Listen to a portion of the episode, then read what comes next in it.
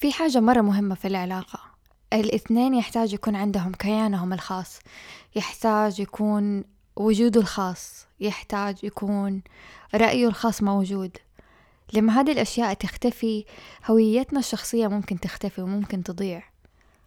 والتعلق العاطفي والاعتمادية بهذه الطريقة تصير على الشريك وتروح تخبط في السقف. يا أهلا وسهلا. معكم نوف بوزير وهذه حلقة جديدة من علاقات 101 لما ندخل في علاقة إذا ما كنا في حالة متوازنة واحد مننا حيتشرب الطرف التاني وحياخد رأيه وحياخد ذوقه وحياخد معتقداته وحياخد هويته. ودي حالة تتكرر مرة كتير في العلاقات من غير ما بنكون واعيين عليها. يمكن تبدأ بهذه الطريقة بنحسب إنه من الحب إنه أعطي الثاني كل وقتي كل اهتمامي من الحب إنه ألغي حياتي عشان إحنا دحين صرنا كيان واحد مشترك. ألغي اهتماماتي وبالتالي يصير محلها اهتمامات الشخص التاني أقرر إنه أعطي وأعطي وأعطي حتى لو كان ده الشي على حساب نفسي. وبنفس الوقت أبغى أستقبل الاهتمام من مصدر واحد. المصدر اللي أنا قاعدة أعطيه المصدر اللي أنا في علاقة معاه. فكل تركيزي بيصير على ده الشيء. كل تركيزي بيصير على ده الشخص. يومي يصير مربوط فيه. حياتي مربوطة فيه. سعادتي جاية من سعادته. ندخل في دائرة يمكن كنا نحسب إنه مستحيل ندخل فيها. ندخل هنا في دائرة التعلق العاطفي ودائرة الاعتمادية. العلاقة المتوازنة الأشخاص اللي فيها عندهم تعريف خاص لنفسهم. عندهم تعريف للأشياء اللي يحبوها للأشياء اللي يكرهوها للمبادئ اللي بيمشوا عليها. عندهم كيان خاص بمعنى أنه وجودهم ما هو معتمد على شخص واحد ولا عدة أشخاص. هم كأفراد عندهم القدرة على بناء حياة عندهم القدرة أنه يعبوا كاستهم. ما عندهم نظرة سوداوية لنفسهم ولا كره لنفسهم أو لوم بمعدل 24 ساعة.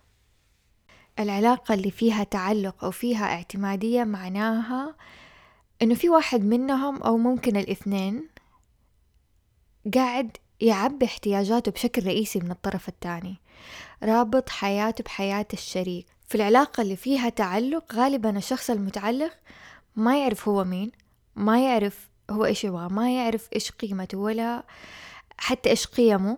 ودخل في العلاقة وصار دحين تركيزه وقوته وجهده اليومي بيروح لدي العلاقة للشريك هذا. موده يكون متأثر بشريكه والشخص اللي معاه. أم سعادته مربوطة فيه هويته. هويته بعيدة عنه كشخص وإنما أخذ هوية الشخص التاني أو أعطى لنفسه هوية العلاقة نفسها. أحيانا بيعرفوا التعلق إنه لما واحد من الطرفين أو الاثنين يكونوا مرة متداخلين في حياة بعض لدرجة إنه ما يقدروا يعيشوا من غير الطرف الثاني. ومو يعني لا تاخذوا الكلام هذا بمنظر رومانسي ولا أي حاجة لا حرفيا ما يقدروا يعيشوا برا العلاقة هذه ما يقدر يكون كيان منفصل.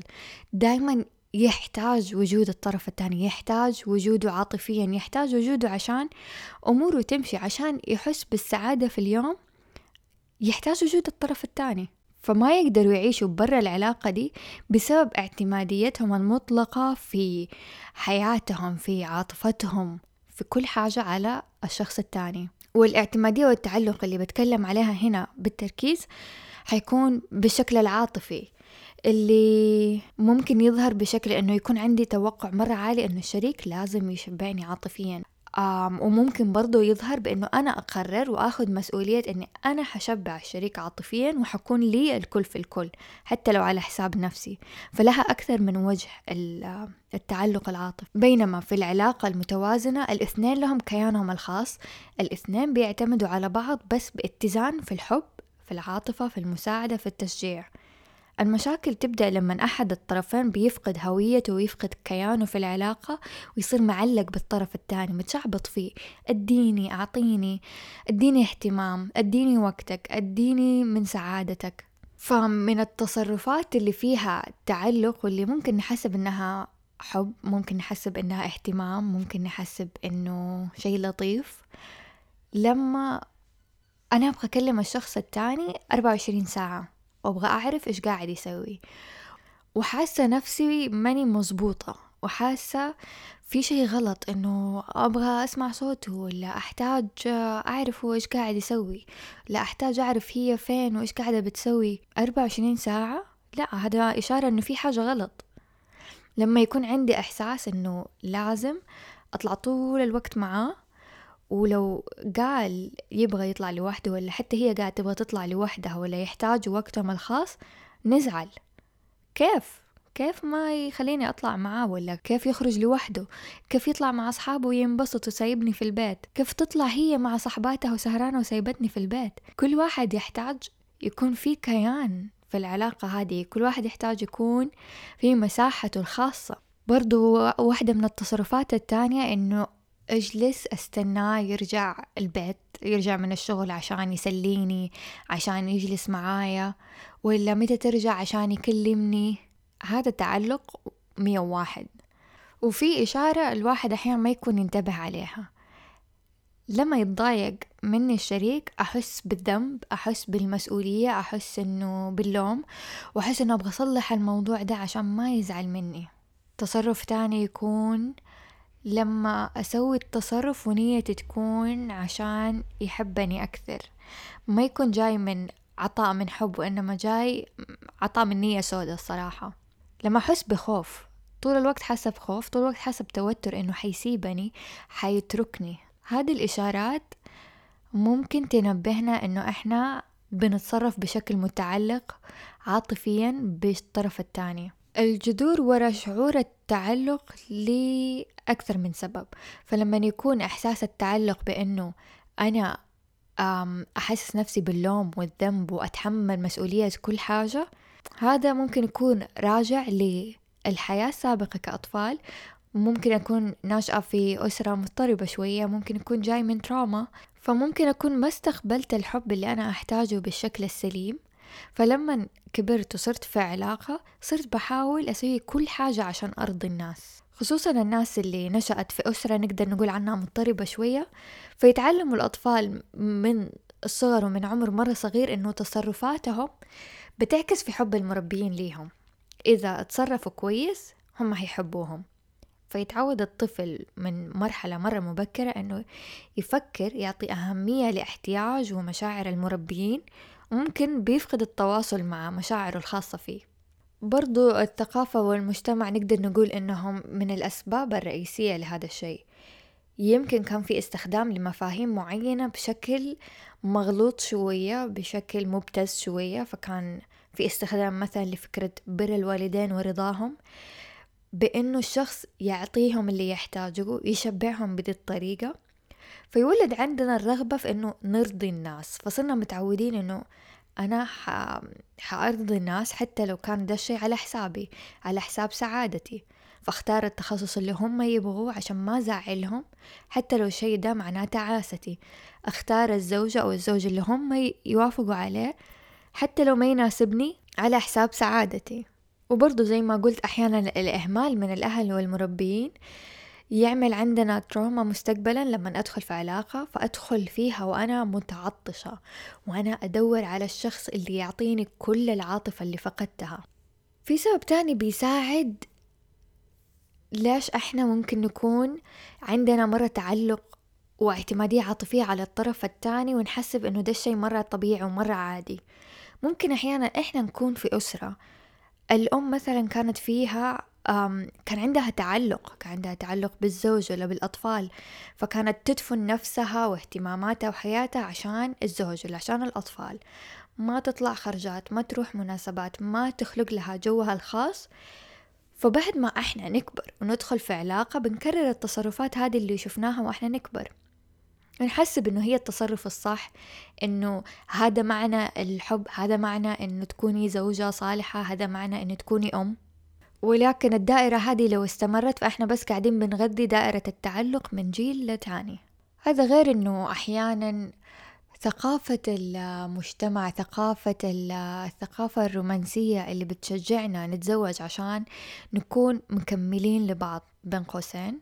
عشان انت يا أنثى تحتاجي أحد يعوضك عاطفيا ويشبعك عاطفيا ويكون مصدر لكل سعادتك واهتمامك. وعشان انت كذكر برضو هي تحتاج واحدة تشبعك عاطفيا وتعطيك كل وقتها وجل اهتمامها. بس ما تعلمنا الفرق بين إنه نكون في علاقة متزنة وبين إنه نقدم لبعض الحب بطريقة صحية وبين إنه نكون في علاقة متعلقين فيها ببعض. بين إنه نكون كيان قادر يوقف على رجوله قادر يعتمد على نفسه قادر يتعامل مع مشاعره مو يرميها على الطرف الثاني مو يرميها مو يرمي احتياجاته كله على الثاني. وبين إنه نكون في علاقة متزنين فيها. هذه المشاكل هذه أحيانا تطلع في بداية العلاقة أو سنين الزواج الأولى. يكون مفهوم الارتباط والعلاقة عندنا كده شوية مغبش وما هو واضح. ونحسب إنه إحنا المفروض نتصرف بهذه الطريقة. المفروض كده ندخل all in و... ونس... ونتوقع التاني يدينا كل حاجة من عنده. وإنه نقطع مثلا علاقاتنا بالناس التانية نبطل نخرج نبطل اكتيفيتيز نبطل أنشطة برا البيت نتفرغ لبعض بهذه الطريقة. بنحسب إنه إحنا كده بنكون عيلة إحنا كده بنكون علاقة صحية. بس اللي إحنا كده بنسويه إنه إحنا بنتعلق ببعض قاعدين. اللي بنسويه إنه بحط شريكي قبل كل شيء بحط شريكي قبل نفسي قبل احتياجاتي. وشوية شوية حفقد هويتي حفقد كياني حفقد تعريفي النفسي. وكل ما فقدت هويتي كل ما ازدادت تعلقي بالشريك اللي قاعدة أعطيه أعطيه أعطيه وقاعدة تزيد توقعاتي منه إنه يعطيني. طيب خلوني أقول لكم عن شوية علامات تساعدنا ننتبه إذا إحنا ناس عندنا التعلق هذا ولا لا. والعلامات هذه ممكن تساعدك سواء كنت في علاقة عاطفية أو لا. الشخص اللي عنده التعلق هذا العاطفي والشعبطة هذه دايما يبغى الطرف الثاني يكون موجود لي. دايما يبغى الناس حوله. دايما يبغى الناس تغديه من هذه الناحية وما يعرف يقضي الوقت لوحده. الشخص هذا يكون ثقته بنفسه أقل وعنده شعور بعدم الاستحقاق عالي جدا ومو عارف كيف يهتم بنفسه ولا حتى كيف يعبي كاسته. ودائما يستنى الشريك إذا كان في علاقة أو يستنى الأطراف التانية من حياته. واحدة من الإشارات المهمة إنه الشخص هذا دايما بيدور أحد يعطيه الحب أحد يعطيه الحنان أحد يقدره أحد يعطيه تأكيد لوجوده وقيمته. وبرضو الشخص هذا يحاول يرضي كل الناس يحاول يرضيهم ويعمل كل حاجة عشانهم سواء آه، لو كان ما هو في علاقة عاطفية حيحاول يرضي أمه وأبوه يحاول يرضي أخواته يحاول يرضي أصحابه حتى على حساب نفسه. ولما يدخل في علاقة عاطفية حيدخل بشكل إنه أنا حعمل لك أي حاجة عشان ترضى عني. الشخص هذا في الأخير ما يعرف يحط حدود لنفسه. ما عنده حدود لنفسه كمان ما يقدر يحترم حدود الناس التانية. لو أحد قال له لا ياخدها بشكل مرة شخصي ومرة يزعل. وكيف قال لي لا؟ حتى لو لا انقالت بشكل مرة محترم. طب لو أنا كنت في علاقة كيف أساعد نفسي إذا أنا انتبهت إنه أنا شخص عنده التصرفات هذه إذا أنا شخص رامي نفسي على الطرف الثاني في العلاقة؟ أول حاجة الوعي والانتباه للتصرفات اللي قاعدة أسويها هذه نقطة مرة مهمة. تاني شيء أتعلم أحط نفسي رقم واحد. أتعلم أحبها أكون سند ليها. أتعلم أفهمها وأفهم هي مين هي إيش قيمها إيش الأشياء اللي تحبها. طب كيف ممكن تقضي وقت فراغها؟ وإذا كنت من الأشخاص اللي يضغطوا على نفسهم عشان الناس التانية ترضى عنهم إذا يضغطوا على نفسهم عشان شريكهم يرضى عنهم أتعلم أتعلم أعمل حدود. وأتعلم إنه أعطيهم مساحتهم عشان هم يتعلموا وأتعلم إنه أنا أحتفظ بمساحتي عشان ما أجيب لنفسي الجنان وما أجيب لنفسي إحساس الضغط. وإذا كنت في حالة شديدة من التعلق اللي أنا ماني قادرة أنتبه عليها ولا قادرة أطلع نفسي منها أستعين بكوتش أستعين بمختص نفسي. مشكلة التعلق بهذا الشكل إنه أحيانا أحد الشريكين وغالبا الإناث لأنه في فكرة أنه لما تدخلي آه، علاقة عاطفية ولما تدخلي زواج كرسي نفسك لهذا الزواج كرسي نفسك لهذه العلاقة فتعطيها كل وقتها كل طاقتها يمكن تسعين في المية من وقتها وطاقتها بتروح على الزوج على البيت على الأطفال على تنسى نفسها تنسى كيانها تنسى وجودها.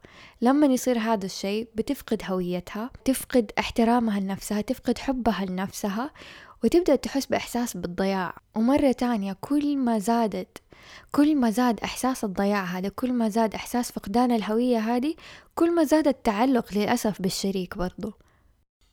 أعتقد أنه نحتاج نستوعب حاجة نحتاج نستوعب أنه إحنا عشان نكون في علاقة صحية متوازنة نحتاج أحتاج يكون في كيان الخاص.